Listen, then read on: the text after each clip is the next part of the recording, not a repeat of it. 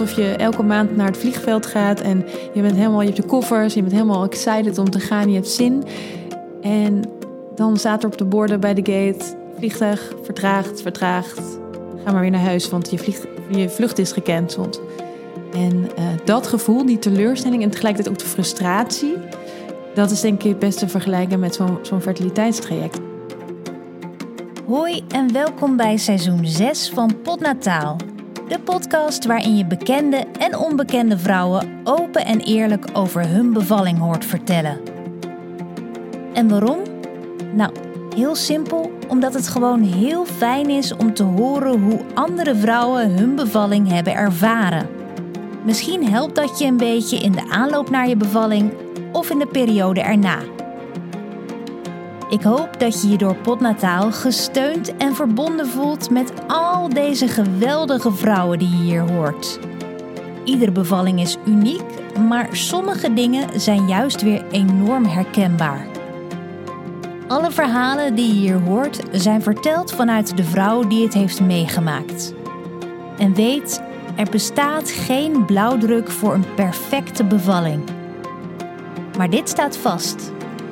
Je bevalling kun je maar één keer meemaken en is van jou en niemand anders. Ik ben Simone Wijnands, moeder van een zoon en een dochter en ik maak potnataal.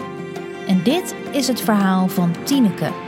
Ik ben Tineke, ik ben 38 en ik ben verantwoordelijk voor de communicatie van een heel groot social media bedrijf. En ik ben twee keer bevallen, één keer in november 2018 en net dit jaar, dit voorjaar in maart. Dit seizoen van Potnataal staat voor een belangrijk deel in het teken van fertiliteitstrajecten. Dat is een onderwerp waar ik nog niet eerder zo uitgebreid bij heb stilgestaan in deze podcast, maar wat wel altijd hoog op mijn agenda heeft gestaan. Want voor heel veel ouders is zwanger worden geen vanzelfsprekendheid. Misschien heb je dat zelf wel ervaren en anders is er ongetwijfeld een vriendin of een collega of zus bij wie het zwanger worden niet zomaar gaat. Dit seizoen hoor je daarom ook verschillende ervaringsverhalen van moeders die in een fertiliteitstraject zijn beland. Het eerste verhaal wat je hoort is het verhaal van Tineke. In deze aflevering deelt ze haar weg naar de zwangerschap. En in de volgende aflevering hoor je haar bevallingsverhaal. En ik kan je vertellen, ze zijn allebei zeer de moeite van het luisteren waard. Voor bijna iedereen met een kinderwens geldt dat je op een gegeven moment het besluit neemt om het te gaan proberen. Ook Tineke weet dat moment nog goed. Ik kan me ook nog heel goed herinneren de eerste keer dat we dachten: oh, weet je, we zijn eraan toe. We waren in het voorjaar van 2015 eh, getrouwd. En in het najaar dachten we, nou weet je, we hebben nu wel goed genoten van het uh, eerste half jaar getrouwd zijn.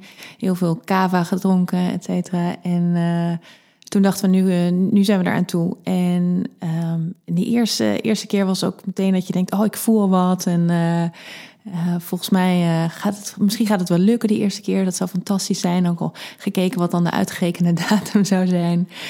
Um, maar uh, nou, dat gebeurde niks de eerste maand en de tweede maand en de derde maand. En de vierde maand dacht ik, nou, weet je, misschien moeten we die, die, die relaxe houding die we hebben een beetje loslaten. En misschien moeten we toch met ovulatietesten, et cetera, aan de slag. Ik denk voor iedereen nog wel herkenbaar. Uh, ben ik ook even langs de huisarts geweest van, joh, um, hoe, hoe werkt het eigenlijk precies? Want je bent eigenlijk je hele leven lang bezig om niet zwanger te worden. En nu ging het opeens, hoe, hoe, hoe, word je wel zwanger? Waar moet je op letten? Nou, ovulatietesten natuurlijk. Um, en uh, ja, gewoon je cyclus goed bijhouden in algemeen zin kan goed helpen. Um, maar de huisarts zei ook, het is volkomen normaal, vier maanden, het kan wel een jaar duren. Ik denk 90% van de mensen wordt binnen een jaar zwanger. Dus geef jezelf nog even de tijd. Dus dat hebben we gedaan en um, maanden verstreken. En toen na een klein, klein jaar hebben we allebei gezegd van, joh, we gaan terug naar die huisarts, want het voelt niet helemaal goed. Dit, dit, dit, dit lijkt niet te werken. Um, want er gebeurde eigenlijk helemaal niks. Het was ook niet dat je uh, een, een, keer een, een, vroege zwangerschap, dat, nee. nee. gewoon elke maand weer ongesteld. ongesteld. Ja, ja. ja, en je merkt dat dat druk dan ook steeds groter wordt. Weet je, dan denk je elke maand denk je weer, oh, nou, dat is jammer. Ja. En uh, ik, grappig genoeg, want we hebben nog een heel traject daarna gehad. Die eerste, het eerste jaar of zo vond ik nog wel misschien wel het moeilijkst. Omdat je dan, je voelt jezelf steeds meer in een hoekje terechtkomen van mensen die het misschien wel. Één op de zes mensen heeft uh, vruchtbaarheidsprobleem. Één op zes stellen, moet ik zeggen. En um, je voelt jezelf steeds meer in dat hoekje terechtkomen. Dus dat was een heel lastig moment. En uh, weer terug naar die huisarts. En die zei: Nou, weet je wat, we gaan wat testen doen. En we sturen je door naar het ziekenhuis. We woonden toen nog in Amsterdam. Dus wij naar het OVG. En dan wordt er van alles getest. Weet je, uh, ben je uh, niet in de overgang? is alles bij je man oké? Heb je geen verstopping in je eileiders, et cetera, et cetera. En bij ons was alles goed. Tien met de griffel, helemaal goed. En ja, dan zul je misschien denken, nou fantastisch, want jullie zijn helemaal gezond. Maar voor ons was het bijna een teleurstelling, omdat we dachten, weet je, er is iets mis en we willen heel graag er iets aan gaan doen. Um, maar we moesten weer naar huis. En ze zeiden, ja, ga maar weer proberen thuis en uh, kom over een half jaar maar weer terug. En dat was zo balen, weet ik nog wel. Um, maar goed, ja, hoe langer je ermee bezig bent, hoe, hoe sterker die wens natuurlijk ook wordt. En je, waarschijnlijk zag je in je omgeving steeds meer vriendinnen of kennissen die een kindje verwachten. En dan krijg je toch die frustratie van waarom nou bij ons niet? Precies. En ja, het, het, wordt ook een beetje een eenzaam proces. Want je krijgt uh, met mensen met wie je het deelt, dat, dat kan heel fijn zijn. Daar heb ik ook heel veel uit gehaald. En ook heel onverwacht vaak, uit onverwachte hoek vaak de, de, de fijnste feedback gekregen of de fijnste tips. Maar er waren ook wel mensen die tegen ons zeiden van... joh, relax, ga lekker op vakantie. Of uh, weet je, ik, toen ik het losliet, toen was ik zo zwanger. En, uh, maar het is heel moeilijk om zoiets los te laten... als je zo graag een kindje wil. Dus nou bijna een half jaar weer terug naar het ziekenhuis. was niks gebeurd, niet zwanger geweest. Um, iedere maand weer een teleurstelling. Weet je, dat je ook denkt... Um, op het moment dat je naar de, dat moment dat je bijna ongesteld moet worden, op een of manier gebeurt dat ook altijd op een gek moment. Dus we hebben het een keer gehad vlak voordat we aan, de, aan het kerstdiner gingen. Of vlak voordat je naar een feestje gaat, waar dan vervolgens wordt aangekondigd dat een vriendin zwanger is en een baby gaat krijgen. En op dat moment wil je eigenlijk gewoon even het liefste in een hoekje met z'n tweeën zijn. En dat kan dan niet, want dan zit je op een feestje. Dus het, het, dat soort dingen begonnen ook steeds zwaarder te wegen. Maar goed. Uh, dat mensen misschien ook dingen tegen je zeggen die het niet weten van... Uh, nou, uh, geniet nog maar even van het leven samen of zo. Weet je, van dat soort... Heel ja, lief bedoeld ja. hoor. Ja. ja, maar daar heb je, ja, dat wil je gewoon niet horen nee. op dat moment. Nee, nee. nee. en, dat, en dat was allemaal dat kon ik wel redelijk plaatsen. Uh, en dan vond ik ook wel, uh, vonden wij allebei wel echt ook heel erg lief van mensen. En mensen hebben ons heel erg wel geprobeerd te steunen. Maar het blijft, blijft iets wat je heel erg met z'n tweeën doet. En ja, nogmaals, als je op zo'n uh, op feestje staat en je komt erachter dat, je, dat het niet gelukt is deze maand omdat je ongesteld bent geworden, ja, dan ga je niet, uh, weet je, dat deel je niet op dat moment, want dat bederft de sfeer en, en nou, dat kan af en toe best wel een beetje eenzaam zijn. En ook voor jullie samen geeft het natuurlijk ook druk op een gegeven moment. Ja, het, wordt, het, wordt uh, heel praktisch allemaal, om het zo maar te zeggen. En uh, ik moet zeggen, het heeft ons ook wel nader tot elkaar gebracht hoor. En zeker later in het proces. Uh, we hebben dat heel erg samen gedaan. En ik heb ook nooit het gevoel gehad dat alles op mij kwam. We hebben dat uh, altijd wel echt, zijn misschien wel dichter bij elkaar gekomen daardoor. Dus dat is heel positief geweest. Um, en um, nou ja, goed, op, op een gegeven moment moesten we weer terug naar het ziekenhuis, want er was dus niks gebeurd. En dus kwamen we daar weer en Volgens mij waren we toen al verhuisd. Inderdaad, waren we Amsterdam al uit. En dus gingen we hier in de buurt naar een ziekenhuis. En um, daar zeiden ze: Oké, nou, weet je, we gaan beginnen. We gaan wat uh, testjes doen. Ik heb toen nog een, een operatie gehad. Waarbij ze via mijn navel gingen kijken met een cameraatje of er niks verstopt was. Um, en alleen al dat feit dat ik dat mocht doen, vond ik al prettig. Omdat ik het gevoel had dat er weer een beetje wat gebeurde. Dat ik niet alleen maar leidzaam een beetje dat hoefde af te wachten. Um, dus uh, wij die, die operatie doen gekeken, was ook allemaal weer goed. En toen zeiden ze, oké, nou, dan mogen jullie beginnen met IUI. En dat staat voor intrauterine inseminatie. Nou, heel uh, uh, moeilijk woord. En het komt eigenlijk gewoon neer op een soort van ja, geoptimaliseerde versie van het natuurlijk proces. Dus je krijgt hormonen om je cyclus te stimuleren. En daardoor kunnen ze ook heel precies timen wanneer je ijsprong is. En dan uh, dat heb je een paar echo's achter elkaar iedere keer in de week ehm, naar dat punt toe. En dan ga je naar het ziekenhuis uh, en daar wordt de, het zaad van de man gepakt. En dat wordt een soort van geoptimaliseerd, vraag me niet hoe. En dat wordt vervolgens ingebracht. En dat doen ze voorbij de baarmoedermond. En het voordeel daarvan is dat je dus niet meer de, het obstakel van de baarmoedermond hebt. Want in het natuurlijk proces sneuvelen daar nog wel eens wat, wat zaadcellen. Dus dat brengen ze echt direct in. Timing is dus goed. Je weet dat bij de man alles oké is. Het op de juiste plek ingebracht. En dan zou het zijn magie moeten doen. Vier keer doen ze zo'n IUI-behandeling, maar de magie blijft uit. Dat was ook weer zo'n zo'n teleurstelling eigenlijk iedere keer. Dus wij iedere keer weer naar het ziekenhuis en je gaat aan een soort van positief ernaartoe. En zeker in het begin van je cyclus denk je, nou, deze maand gaat het lukken. Uh, deze maand uh, uh, hebben we twee streepjes op zo'n test staan. En je gaat als een soort van, als een soort van achtbaan ga je omhoog. En dan sta je op dat punt. En dan mislukt het. En dan is het als je weer keihard naar beneden klettert weer.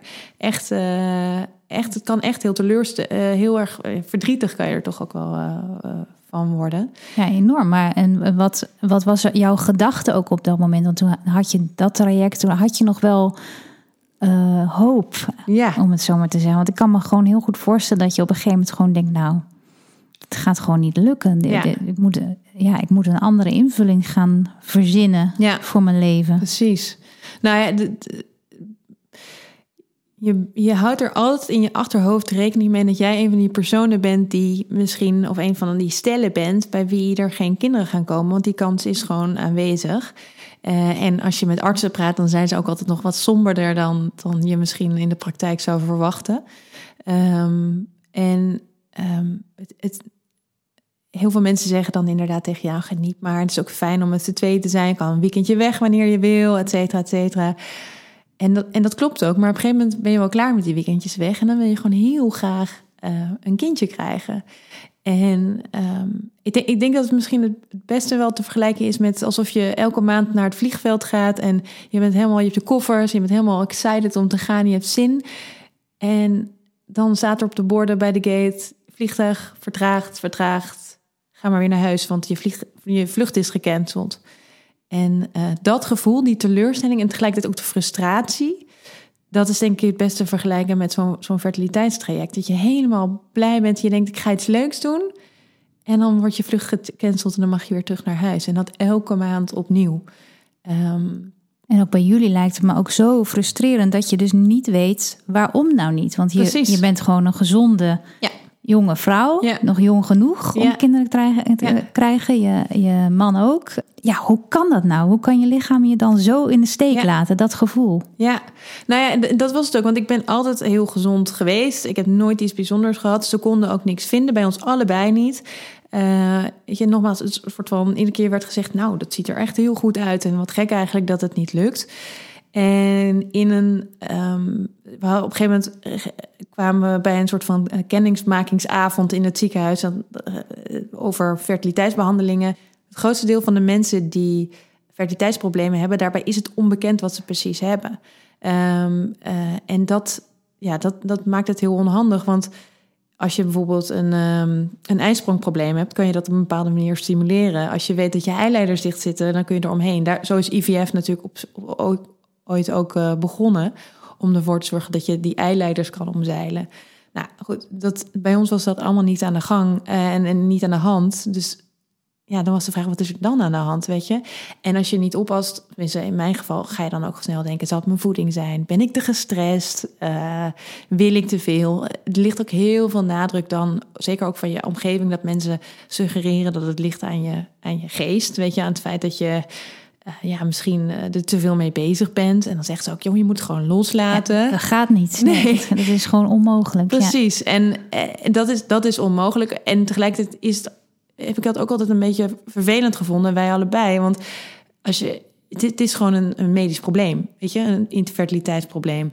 En de suggestie dat je dat kan oplossen door uh, achterover en gaan zitten en een boek te gaan lezen, is gewoon ongelooflijk naïef, als je het mij vraagt in ieder geval. En uh, doet ook niet echt recht aan, aan, waar je dan op dat moment doorheen gaat. Dus dat, uh, dat, dat, dat zijn van de dingen die je ondertussen dan ook nog een beetje moet slikken. Van mensen die eigenlijk suggereren dat het in je hoofd zit in plaats van in je lichaam. En het zit echt in je lichaam. Ja, want ze hebben het eh, niet, de oorzaak niet kunnen vinden. Maar je hebt wel het idee dat er dus iets is wat ze gewoon niet hebben kunnen Ja. achterhalen. Ja, en, en dat, is, dat is het hele vreemde aan het verhaal. Want eh, ik heb altijd het gevoel gehad... als ze maar eenmaal aan die IVF toekomen... dan komt dat wel goed. En, ehm, en dat bleek ook zo te zijn natuurlijk. Dat, dat, dat, eh, dat we weten inmiddels hoe het afloopt. Ehm, maar ehm, ja, er is, nooit, er is nooit een oorzaak gevonden. En wat er dan precies aan de hand zou kunnen zijn... eh, eh, niemand, niemand weet het precies. En dat schijnt dus ook heel veel voor te komen... dat je niet precies weet wat er aan de hand is. En dan kun je het dus ook niet behandelen. En dan zeggen de artsen eigenlijk... oké, we hebben lang genoeg afgewacht...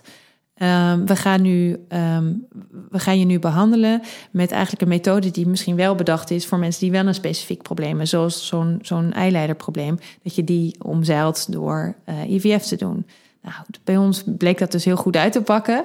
Eh, maar wat nou precies de oorzaak is, dat, eh, ik ben heel benieuwd. Ik, zou, ik hoop dat ik er ooit nog een keer achter kom. Ja, Ja. dat kan ik me voorstellen. Ja.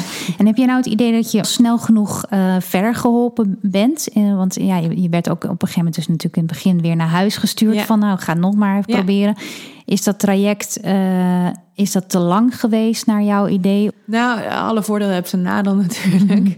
Kijk, ik- het voordeel vind ik aan wat wij hebben doorgemaakt... is dat we heel erg zeker weten dat we heel graag kinderen willen. En we hebben, eh, weet je, als je kinderen krijgt... dan dat, dat kan af en toe ook heel zwaar zijn. Dat je echt denkt, potverdrie, eh ik wil gewoon even de krant lezen... of gewoon even, even ontspannen en dan hangt er weer een kind aan je been... Ehm, wij kunnen dat heel goed allebei relateren aan het feit dat we, dat we dit heel graag willen. En we weten ook hoe het eruit ziet als je geen kinderen hebt. En hoe je leven er dan uitziet. En als je ervoor gekozen hebt, is het natuurlijk prima. Dat is helemaal fantastisch. Maar als je zelf graag kinderen wil en je krijgt ze vervolgens niet, dat is wel echt een bittere pil. Dat is echt iets ehm, essentieels voor je leven, wat dan niet, eh, je niet gegund wordt. En daar kun je op een gegeven moment natuurlijk, denk ik wel, een, een, plek in vinden. En we zijn er ook wel mee bezig geweest van, joh, hoe zou het eruit zien als dat, weet je, als dat voor ons niets is weggelegd. Maar ik ben, ehm, ja, het, voor, het voordeel is dat we echt ongelooflijk dankbaar zijn dat we twee fantastische meisjes hebben rondlopen. En zijn ons heel erg bewust van het geluk wat we daarmee eh, mee hebben. En als je nou kijkt naar ehm, het, het, het artsenproces op zichzelf, dus het, eh, het, het medisch proces. In Nederland wachten ze heel erg lang met totdat je over mag gaan, gaan tot een behandeling. En enerzijds is dat natuurlijk goed, want je hebt altijd nog een kans dat het natuurlijk gebeurt. Ehm, maar het is de mentale druk die ontstaat, dat is ook wat waard. En ik denk dat daar niet heel veel rekening mee, eh, mee wordt gehouden. Er wordt gewoon heel sec gekeken naar de, naar de fysieke kant van het verhaal. Ehm, dus ja, mijn geheime tips zou zijn voor mensen die denken van... nou, het duurt bij mij ook wel een beetje lang. Eh, eh, zeg dat je al een jaar bezig bent. En ik weet niet of dit helemaal verantwoord is... maar ik, je, je mag er best een beetje mee smokkelen. Wij zijn er echt bloed eerlijk in geweest. En dus echt anderhalf jaar iedere keer weer terug naar huis gestuurd. En als je jezelf dat een beetje kan besparen...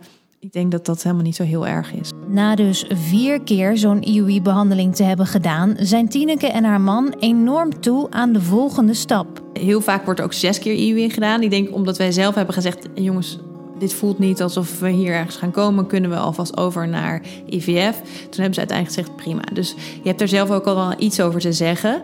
Ehm, sommige mensen vinden het fijn om gewoon volle zes... misschien zelfs meer pogingen te proberen op die manier.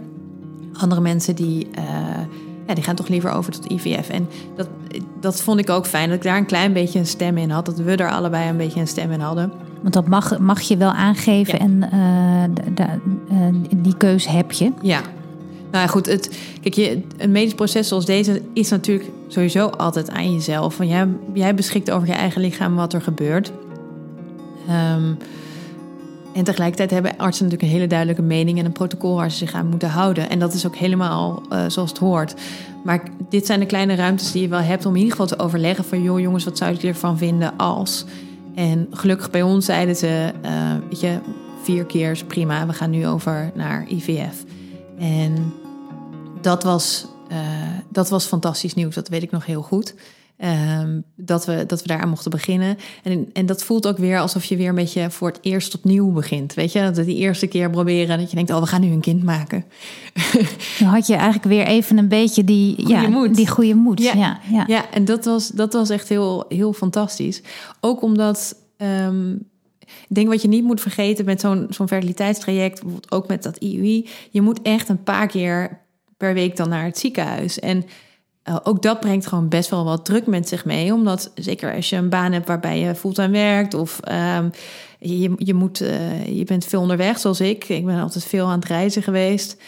Ja, dan, dan moet het allemaal maar net uitkomen. Ja, want hoe deed jij dat dan? Hoe ja. had je daar dan met je werkgever gesprekken over? Ja. Of, uh, want dat lijkt me inderdaad lastig. Want je wil op alle vlakken natuurlijk gewoon nog goed blijven functioneren. Maar je vraagt van jezelf al zoveel. Ja. Uh, geestelijk en, ja. uh, en fysiek kost het natuurlijk ook nog, uh, nog wat met Zeker. hormonen en zo. Ja, um, hormonen hebben natuurlijk altijd een grote invloed op je. En als je helemaal volgespoten wordt, weet je, zet zo'n naald in je buik uh, um, elke dag.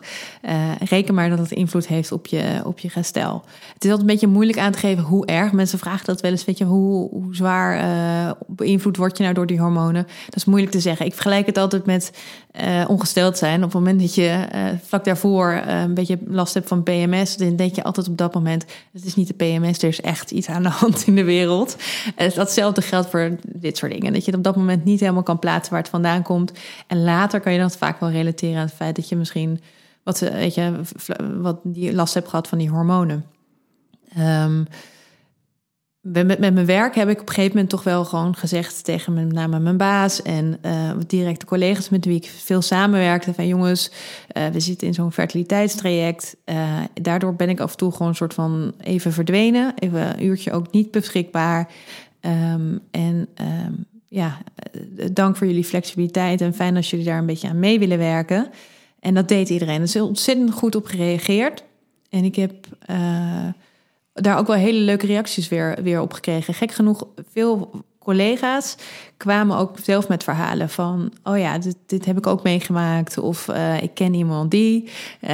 En dat, uh, dat heeft me ook ontzettend, ontzettend gesteund. Ze weten dat dat, dat wel oké zat. En dat ik dus niet zomaar uit mijn baan geschopt zou worden. omdat ik een keertje een belangrijke vergadering miste. Nou, zal dat sowieso natuurlijk wel loslopen. Maar het is toch wel een fijne gedachte om op op terug te vallen. Ja, en dat is toch iets waar, denk ik, vrouwen sowieso altijd wel mee worstelen. Ja. Als je een zwangerschapswens hebt, ook ja. als je niet in een fertiliteitstraject ja. zit, dat je toch denkt van, oh jee, hoe wordt dat straks ontvangen? En uh, ook als je gaat solliciteren, dat is toch, is toch een ding. Ik bedoel, een werkgever mag je daar natuurlijk nooit op nee.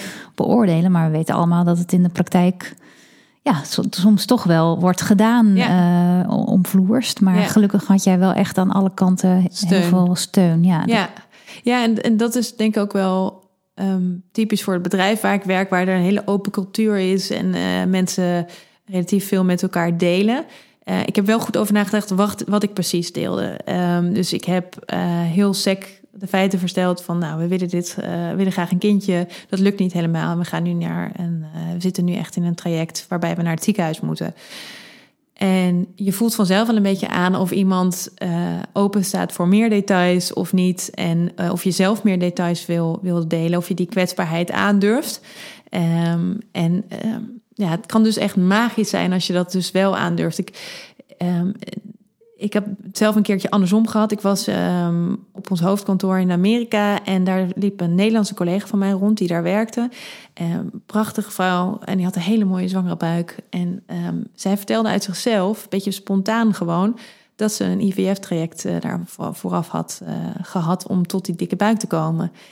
En dat soort momenten geven je zoveel kracht dat je denkt, oh ja, zij ook. En, en weet je, dat, bij haar is het ook gelukt, dus misschien lukt het bij mij ook. En dat je op dat moment zo'n heel intiem gesprek hebt met een collega die je eigenlijk maar een heel klein beetje kent, dat, ja, dat vergeet ik nooit meer.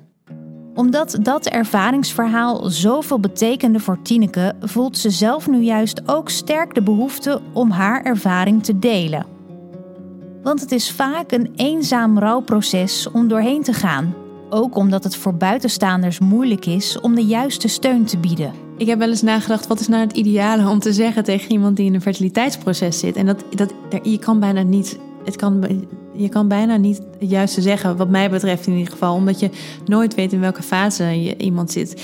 Dus als je uh, in de fase zit van, uh, ik heb er, weet je, we, we gaan er weer voor, dan wil je misschien helemaal geen uh, zielige ogen tegenover je die zeggen: Oh, wat vervelend voor je. Nee, dan wil je gewoon zeggen: je, Dit gaat je lukken en het komt helemaal goed. En wil je op die manier een beetje gespoord worden. Maar het kan.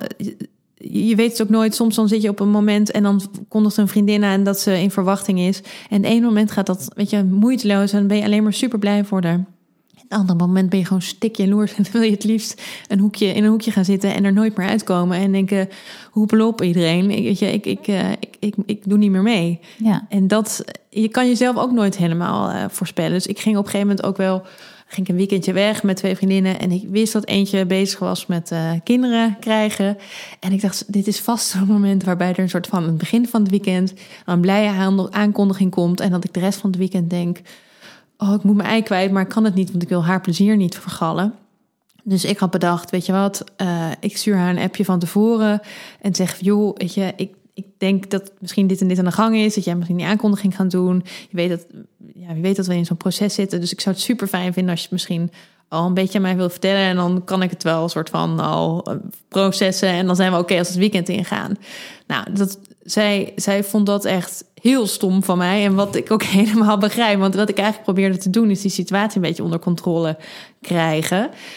Um, terwijl, ja, dit is ook, weet je, je, moet een ander ook weer de ruimte geven. Dus je moet ander ook zijn plezier gunnen. En dus je blijft een beetje worstelen wat je ook probeert. Als je het helemaal over je heen laat komen, uh, of als je het zelf onder controle blijft houden, het, is, het, blijft, het blijft een worsteling. Ja, het is ja. natuurlijk ook je, je gevoel naast je verstand. Hè? Ja. Want je verstandelijk gun je natuurlijk uh, Zeker. je vriendin van harte ja. een mooie zwangerschap. Maar ja, je gevoel zegt gewoon wat anders. Ja, dat snap ik heel goed. En ik denk ook dat het lastig is uh, mensen zeggen natuurlijk goed bedoeld ook tegen inderdaad hou moed en hou ja. vol en ja. het komt vast goed, maar niemand weet dat nee. natuurlijk. Ja, nee. je kunt wel zeggen het komt goed, maar ja, het kan ook niet goed komen. Ja, Precies. Dus je hebt er niet zoveel aan uiteindelijk. Nee, en en en um, nou, wat ik al zei, artsen zijn over het algemeen vrij pessimistisch over de kansen. Als je bijvoorbeeld ook bij zo'n inlichtingenavond, zo'n voorlichtingsavond komt in het ziekenhuis. Nou, dan als je de cijfers op, dat, weet je, op, dat, uh, op die beamer moet geloven, dan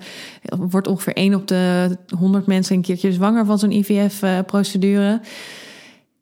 Ja, in de praktijk is dat natuurlijk niet zo. Maar ja, ik weet niet precies hoe ze aan die cijfers komen. In het algemeen uh, uh, loopt, het, loopt het wel los en zijn er veel succesverhalen te delen.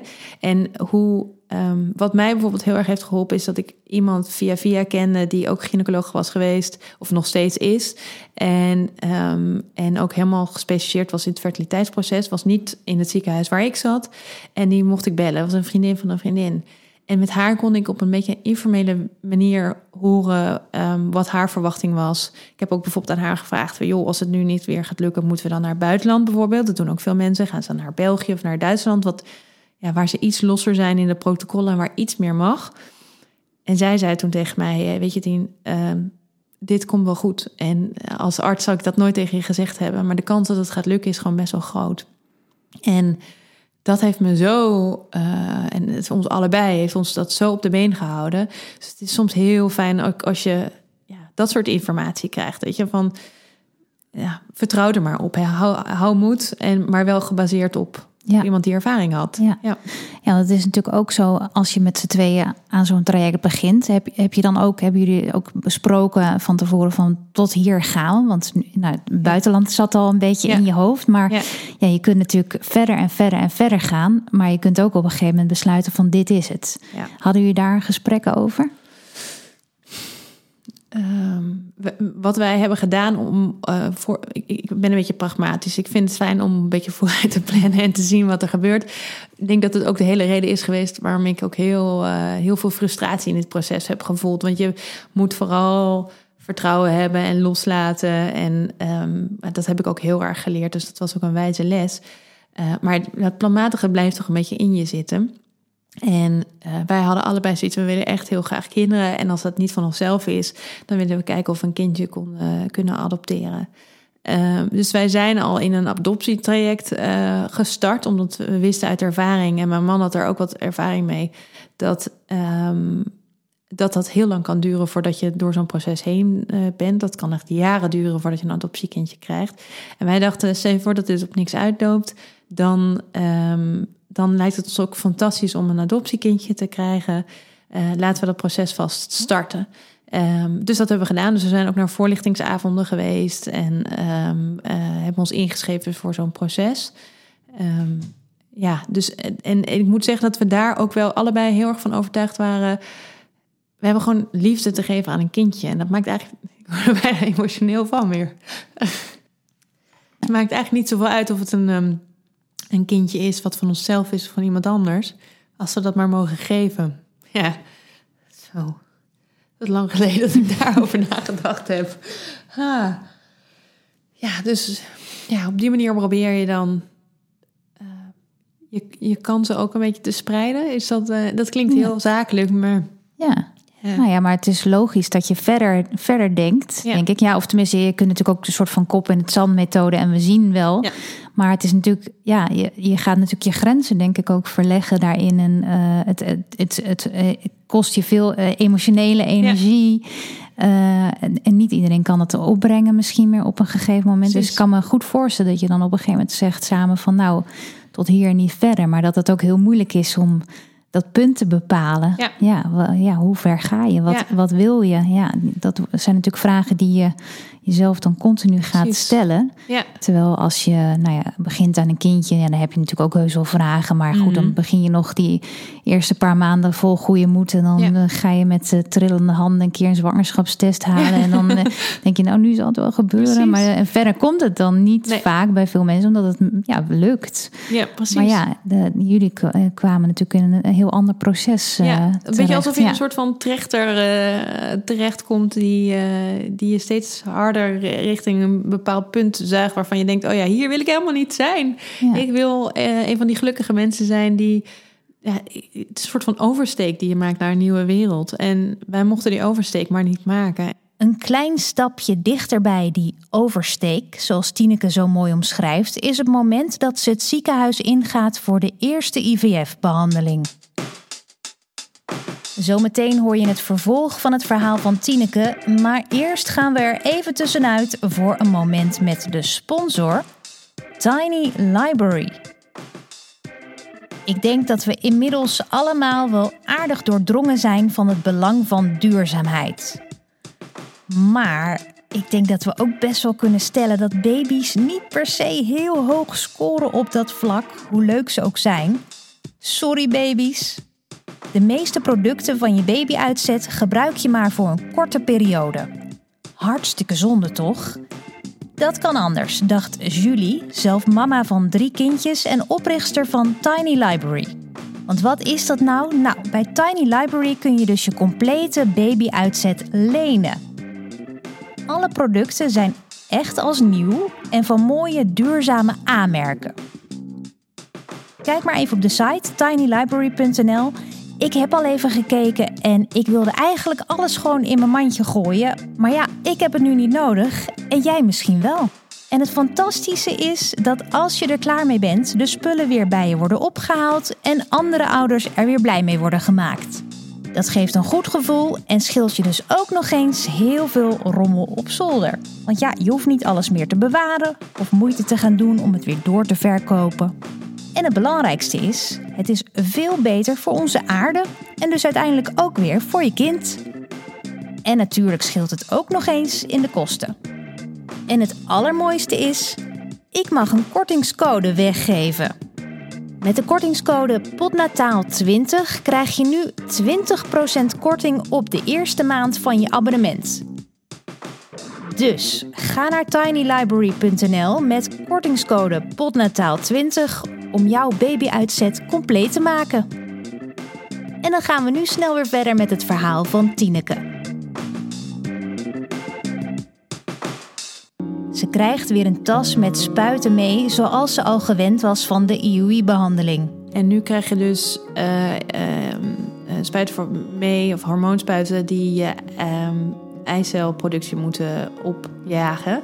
Waar, maar, waar je normaal er eentje produceert per maand, misschien twee bij uitzondering, um, had ik er nu geloof ik 28. Dus dan kun je voorstellen uh, dat je buiken daar best wel een, een optater van krijgt. En, um, en dan ga je dus ook naar het ziekenhuis elke keer om te kijken, oké, hoe groot zijn ze? En dan denk dan, um, ik weet nog, ik lag daar en je ligt op een manier altijd met je benen in zo'n ding. Oh nee, dit was, dit was niet trouwens. Je, je ligt op zo'n bank en dat doen ze met een, um, doen ze met een inwendige echo. Gaan ze kijken, links zit je eierstok, hoeveel zitten er daar? En ik moest, ik had een, uh, een papier met zo'n zo'n hard ding erachter, hoe noem je dat? Zo'n zo'n clipboard. Oh ja, ik, had, ik lag op die bank en ik had een clipboard. En daar stond op links en rechts, dat is linker eierstok, rechter eierstok. Linker eierstok moest ik dan opschrijven hoe groot ze waren. En dan is het uh, 11 mm, 12 mm, 11 mm. En zo hadden we dus 10 aan de ene kant en 15 aan de andere kant. En um, nou, als je op een gegeven moment een bepaalde grootte hebt bereikt, dan zeggen ze: Oké, nu is het nu zijn ze groot genoeg, ze zijn rijp als het ware. En dan zet je een nieuw hormoonspuit en dan dat is eigenlijk de eiersprong, maar dan uh, opgewekt. En dan laat ze een klein beetje los. En dat is het moment dat je de punctie krijgt. En daarvoor ga je vaak naar een gespecialiseerd ziekenhuis. We gingen daarvoor naar, uh, naar Utrecht. En uh, wat ze dan doen, gaan ze met een holle naald door je baarmoederwand. Door prikken ze door je ei, eierstok en dan prikken ze die aan en dan zuigen ze die eitjes eruit. Allemaal stuk voor stuk. Eerst rechts, dan links. En dat doen ze onder verdoving, maar niet onder narcose. Bijna alle landen doen ze dat onder narcose, behalve in Nederland. Wij houden graag van, net als bij het bevallen, zo, zo pijnstelling mogelijk, uh, zo'n pijnvrij. Of, uh, zo min mogelijk medicijnen. Ja. Zo min mogelijk medicijnen, inderdaad, dat. En um, nou ja, dus dat, dat, dat, was, dat was heel spannend, dat weet ik nog wel. Want als je de verhalen een beetje leest, en ik heb ook heel veel gekeken op van die fora en wat de ervaringen waren van mensen heel veel geluk gehad, want ik had twee vriendinnen die ook in het proces hadden. Eén had gezeten en de ander zat er nog steeds in. Dus ik kon een beetje ervaring uitwisselen. En de ene vriendin vond het echt, nou, was er niet echt van onder indruk. En de andere vriendin zei echt, als ik het nog een keer moet doen, ik weet niet of ik dat nog een keer zou doen, want zoveel pijn deed het bij mij. En um, dus de ervaringen waren heel verschillend. Ik was benieuwd hoe het bij mij zou zijn. Um, en het ging gelukkig wel. Het was een beetje vergelijkbaar met een, denk ik, een, een tandartsafspraak waarbij je flink in je kies wordt geboord en je denkt, oké, dit is echt niet lekker. Maar het is goed verdoofd en uh, ik ben blij als het voorbij is. Maar het is te doen. En zo heb ik dat een beetje ervaren. En ik lag daar en um, mijn man had het grootste deel van de tijd eigenlijk tot mijn hand vast. En uh, die, ik zei tegen hem, oké, doe maar gewoon een kletspraatje tegen het verpleegkundig personeel en die arts die er zaten. En hij heeft echt zijn oren, iedereen oren van de kop geluld. En ik vond het fantastisch, want daardoor had ik een beetje afleiding. Ik kon een beetje met een gesprek meeluisteren. En ondertussen hoefde ik het niet zelf te praten, maar zij hadden gewoon een vrolijk kwebbelgesprekje alsof er niks aan de hand was. En dat heeft me heel erg geholpen. Hij heeft daar ook echt, eh, echt een sleutelrol in gespeeld om ervoor te zeggen dat ik een beetje rustig was. Even een kleine opmerking met betrekking tot wat Tineke net vertelde. Ze zei dat ze tijdens de punctie met een holle naald door de baarmoedermond gaan, maar ze bedoelde daar de vaginawand. Ze vergiste zich hier eventjes en corrigeerde zichzelf na de opname. Dat kan in elk gesprek wat je hier hoort wel eens voorkomen dat iemand zich vergist in een term of zich verspreekt. En misschien is het overbodig om te zeggen, maar de vrouwen die je in deze podcast hoort zijn natuurlijk geen medische experts, tenzij anders aangegeven. Zij vertellen hun persoonlijk verhaal vanuit hun eigen herinnering en beleving. Ik ga ervan uit dat je dat doet, maar ik zeg het toch nog maar één keer. Als je nou zelf medische vragen hebt, raadpleeg dan altijd een gecertificeerde arts. Goed, tot zover de huishoudelijke mededeling. Er worden 15 eicellen geoogst, een hele mooie hoeveelheid, die geschikt zijn om verder mee te gaan in het IVF-traject. Wat ze dan vervolgens doen is uh, de zaadcellen van een man trouwens ook nog wel een leuk detail. In Utrecht heet dat het masturbatorium. Denkt, welke dronken uh, arts heeft hier een gekke naam voor verzonnen? Maar goed, dat, uh, daar hebben we ook heel erg om gelachen destijds. Um, en dus dan worden de zaadcellen van, van een man uh, samengevoegd met de eicel van de vrouw in zo'n petrischaaltje. En um, je hebt een soort van upgrade daarvan, dat heet ICSI, waarbij ze een zaadcel pakken en die prikken zelfs het ware in de eicel, want dat moet hij doen. Hij moet met zijn hoofd in die eicel. Uh, dat was bij ons niet het geval. We hebben gewoon, ze laten ze samen in zo'n petrizaaltje en dan kijken of er een bevruchting plaatsvond. Super spannend, want dan uh, word je naar huis gestuurd en dan zeggen we bellen je over een paar dagen om te kijken of het gelukt is. En dus dan zit je drie dagen lang op je, op je nagels te bijten. Misschien was het iets minder. En op een gegeven moment word je dan gebeld door het ziekenhuis. Altijd net als je, weet ik veel, op de wc zit of zo. Maar weet je, onbekend nummer uh, gebeld. En uh, toen zei ze, nou, mevrouw, meneer, het ziet er goed uit. wij hadden, geloof ik, 13 bevruchte eicellen. Dus 13 embryootjes. Um, dus kom morgen maar terug. En dan gaan we er eentje terugplaatsen. Dat noemen ze een verse terugplaatsing. En de rest vriezen we in.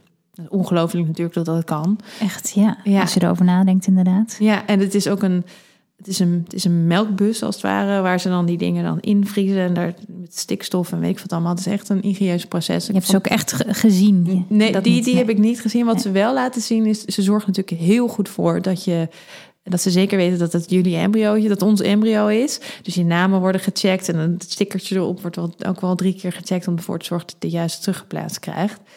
Um, en dan kan je op de echo zien, dat, dat was de volgende dag met die terugplaatsing, dat, um, dat die embryo uh, wordt ingebracht. Dus je ziet hem als het ware in de baarmoeder worden geplaatst op die echo. En dat is zo uniek, want ja, wie, wie ziet nou de bevruchting van zijn kind? Dat, normaal gesproken zie je dat natuurlijk helemaal niet. Dus dat was wel heel bijzonder om te zien. Ik ging een foto van mee ik zag, ik zag er persoonlijk helemaal niks op. Want ik vind het heel moeilijk om te zien hoe ik die echo, weet je, hoe zo'n echo werkt. Dat ik met een baby al laat staan met een embryootje. Um, en die werd, uh, en, en dan ga je weer naar huis. En dan beginnen eigenlijk de meest verschrikkelijke weken van, uh, van het hele proces. En dat zijn die, die wachtweken. Um, door, door mensen die er een beetje bedreven in zijn, die noemen dat altijd het wachtbankje. Dat je twee weken lang op het wachtbankje moet zitten in afwachting van of het gelukt is. En officieel mag je dan pas na een week of twee mag je dan gaan testen. Uh, maar heel veel mensen doen het natuurlijk al stiekem wat eerder. Want je denkt, nou, misschien krijg ik dan al die, uh, die streepjes. Ik denk dat iedere vrouw die zwanger wil worden en waarbij er een langere tijd overheen gaat, op een gegeven moment een hele verzameling zwangerschapstesten in een laadje heeft liggen. Zo ook Tineke. Ik had op een gegeven moment wel ontdekt dat je online uh, heel goedkoop uh, ovulatie- en uh, zwangerschapstesten kon kopen. Veel beter te betalen dan wat je bij de kruidvat en zo kan halen. En um, dus ik had inderdaad, dan krijg je gelijk zo'n heel pakket thuis gestuurd. Dat je denkt, nou, hoeveel kinderen, hoeveel kinderen gaan we krijgen? Maar um, ja, dus wij die testen doen en iedere keer maar één streepje. En je denkt, oh. Ik had, ik weet het nog heel goed, want wij hebben die dat, dat was in december. En mijn ouders waren 40 jaar getrouwd. En uh, we hadden een, uh, een, eh, een, diner met de hele familie. En de meeste mensen wisten wel dat we op die dag een terugplaatsing hadden gehad. Dus de stemming was ook wel echt een beetje uitgelaten van, nou, dit, weet je, het kleinkind van, van opa en oma komt eraan, weet je. Want eigenlijk ben je zwanger wel vanaf dat moment. Precies. Ja. ja. en dat wil je natuurlijk zelf ook wel graag zo voor je zien. En dus dat voelde ook wel echt heel feestelijk al net als die eerste keer proberen, dat je denkt, oh, misschien is het wel gelukt. En uh, nou, dus zes, dat was op 16 december en toen uh, die twee weken daarna op een gegeven moment gaan testen. En bleef maar één streepje staan, bleef maar één streepje. Maar je houdt moed, hè, totdat er, ja, totdat er, dat je echt ziet dat het voorbij is. Um, hou je moed. En ik geloof dat het oudjaarsdag was. Dat we erachter komen waren van nee, dit is echt echt niet gelukt. En uh, dat was. Ik denk dat de, de maand die daarop volgde en de, de twee maanden die daarop volgden, zijn denk ik het allerzwartste geweest in dat hele proces. Het was zo'n teleurstelling. Ik had zo mijn hoop gevestigd op die IVF. Het was ook nog eens een keer januari, weet je wel. Dat je denkt, wanneer gaat de zon weer schijnen? Dat hielp ook niet. En um, dat, dat, toen had ik het wel echt even geschoten. Toen dacht ik, nou, ik, ik heb al die tijd wel redelijk goede moed gehad. Weet je, iedere keer gefocust op uh, het volgende. Eh, misschien gaat het wel helemaal niet lukken, inderdaad. Um, dat, dat is dan vooral ingegeven door, de, door het feit dat het de eerste keer is. Er zijn mensen die echt nog veel langer, veel meer pogingen hebben gedaan dan wij. Dus ik realiseer me heel goed hoe, hoeveel geluk wij hebben gehad. Alleen op dat moment, ik, wij zaten echt in, in zak en as. En ik ben ook een ik ben helemaal geen dagboekschrijver, maar op dat moment ben ik ook een dagboekje begonnen. Om iedere dag maar op te schrijven waar ik dankbaar voor was. Omdat ik me gewoon echt, echt wilde vasthouden aan, aan proberen om iets positiefs te schrijven. Maar dat was, ik weet nog hoeveel moeite me dat elke dag kostte om iets positiefs op te schrijven. Het voelt letterlijk als een zwarte bladzijde. Het kost ontzettend veel moeite om die bladzijde weer om te slaan. En dan moet je maar weer, dan moet je wel proberen weer op te krabbelen. Ehm, en bij IVF is het zo, in ieder geval bij ons, dat je um, na zo'n punctie krijg dan de verse terugplaatsing. En als dat niet lukt, moet je twee maanden wachten. Dan kan je niet meteen bij de eerstvolgende cyclus weer aan de gang. Ik denk dat de gedachte is, weet je, er is daar zoveel aangeprikt en zo. Laat de boel maar heel even met rust. Geef het maar even twee maanden in plaats van een maand. En um, dus dat duurde ook nog eens een keertje een beetje extra lang. Uh, en ik denk ook ergens ook wel dat we ook wel heel eventjes een beetje zoiets hadden van... Nou, we, we, zien het wel, maar ik heb, misschien gaat dit wel heel erg lang duren. Misschien gaat het wel echt nog meer jaar eh, duren. En wij waren toen al een kleine twee jaar bezig.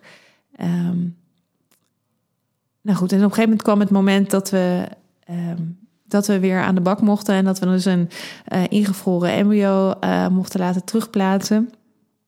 En uh, er wordt wel eens gezegd, weet je, als je met zwangerschap bezig bent en zwanger worden bezig bent, stress is slecht en um, nou, wat is er nog meer? Vliegen is slecht. En in, in die week heb ik, ben ik van Amsterdam naar San Francisco en van Amsterdam naar Kaapstad gevlogen.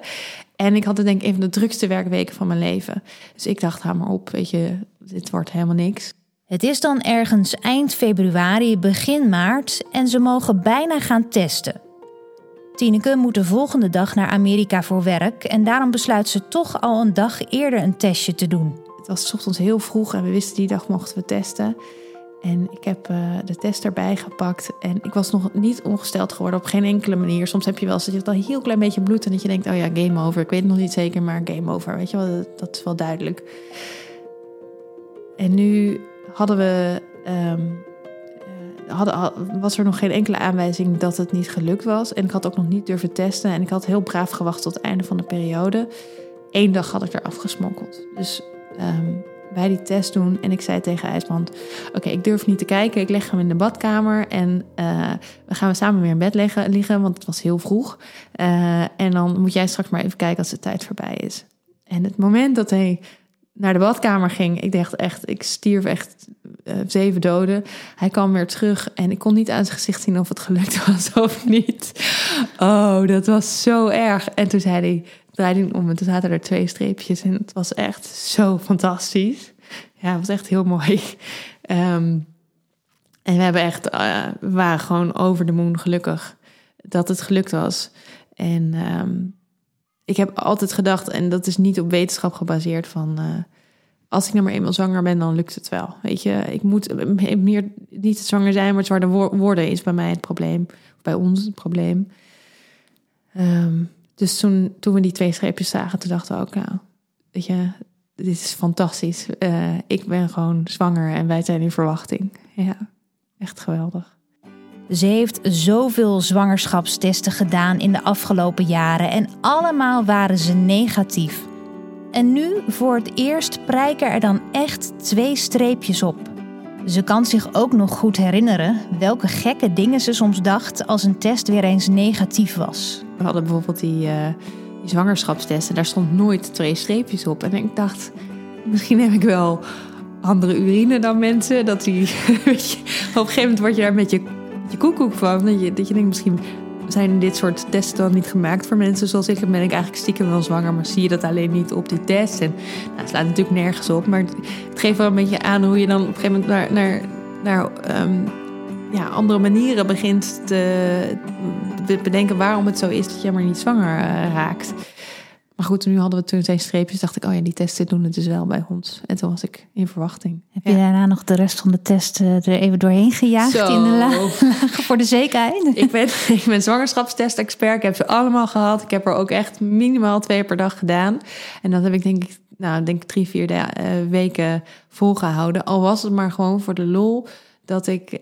Um, uh, dat, dat, dat dat tweede streepje omhoog kwam. Gewoon de, het plezier dat dat een keertje lukte. Dat was zo fantastisch. Ja, het plezier van dat tweede streepje. Is ze de afgelopen jaren kind aan huis geweest in het ziekenhuis? Opeens is dat voorbij. We hebben wel een soort van in een soort van blijde paniek het ziekenhuis opgebeld van we hebben twee streepjes.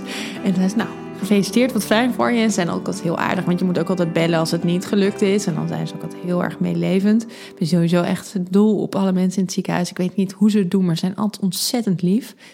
Uh, en nu waren ze ook weer eens lief. En toen zeiden ze, nou kom over zes, zeven weken maar terug. Dan gaan we een echo doen. En um, dan, dan, gaan, dan zien we wel weer verder. Uh, maar voor nu gefeliciteerd en geniet er maar lekker van. Nou, en toen, ik weet dat wij gingen op vakantie naar, naar Zuid-Afrika. En wij, uh, um, we hebben echt op wolken gelopen. We hebben ook een filmpje ingesproken op het strand voor ons toekomstig kind. En uh, we, hebben in het, we waren op een gegeven moment in Namibië. Hebben in het zand hebben we daar de uitgerekende datum geschreven. Waar echt twee verliefde pubers waren helemaal, helemaal happy. Um, en, uh, maar goed, toen kwam natuurlijk weer het spannende moment. Is het echt gelukt? Want ja, ik, ik voelde me op een gegeven moment wel misselijk worden. Dat, we waren op een trektocht door Namibië. En uh, ik weet dat de allereerste keer dat ik moest overgeven van de zwangerschap was in, een, in de woestijn van Namibië. Wat heel handig is, want je gooit er een beetje zand overheen en het is klaar. Um, maar toen dacht ik, oh ja, er wordt wel iets aangemaakt. De hormonen zijn aan de gang, dus dat was al positief. Um, en toen waren we terug en toen moesten we naar het ziekenhuis. Dat was ook weer zo, zo spannend met zes, zeven weken. Uh, maar toen, uh, volgens mij hebben we toen zelfs al meteen het hartje gezien. En dan ben je soort van afgezwaaid. Dan zegt de arts: gefeliciteerd, je bent in verwachting van wat ze noemen een vitale eenling. Uh, en dan ga je over naar de reguliere zorg. Dan ga je gewoon naar de verloskundige. En ik weet nog wel dat wij allebei zoiets hadden van: maar, maar moeten we niet in het ziekenhuis blijven dan? Want nu begint het toch wel en het is, het is spannend. En uh, mogen we niet bij jullie blijven? Zo'n soort gevoel was het. Maar nee, je gaat gewoon naar de eh, verloskundige. En dan is alles van dat moment 100% normaal. Wij hebben met twee IVF-pogingen heel veel geluk gehad. Het is relatief snel gegaan. Je hebt mensen, ook een, um, iemand in mijn omgeving, die zijn dus ik ben tegelijkertijd met haar gestart en die zijn nog steeds ook onderweg. En uh, het, het, het, is en blijft gewoon zo'n spannend proces en zoiets iets kwetsbaars. Ik ben me altijd van bewust hoeveel geluk we hebben gehad. Ook al die twee jaar die eraan vooraf gingen, voel je natuurlijk de, pech die je een beetje hebt. Um, maar ja, we hebben eigenlijk, bij ons is het eigenlijk nog heel snel gegaan. Je hoorde deel 1 van het verhaal van Tineke. Morgen is deel 2 beschikbaar en daarin vertelt ze over de bevalling van haar eerste kindje. Ze appte me na ons gesprek trouwens nog iets, een levensles die ze had geleerd door wat ze heeft meegemaakt. En eigenlijk is het de samenvatting van haar verhaal. Ze zegt: Alles in het leven draait om geluk hebben en dat kun je niet afdwingen. Je kan er nog zo hard voor werken, maar uiteindelijk draait het om geluk. Ik hoop dat je dit een mooie aflevering vond. Zo ja, laat dat dan weten in de reviews op iTunes. En kom me lekker volgen op Instagram via @potnataal. Mij persoonlijk volgen kan ook via Instagram @simonewijnands en vertel natuurlijk al je zwangere vriendinnen, buurvrouwen, nichtjes en zusjes over deze podcast. En tot slot, ken je vriend van de show al? Zo niet, ga naar vriendvandeshow.nl slash podnataal. Dan kun je vriend worden uiteraard en deze podcast een financieel steuntje in de rug geven. Dankjewel voor het luisteren en tot de volgende.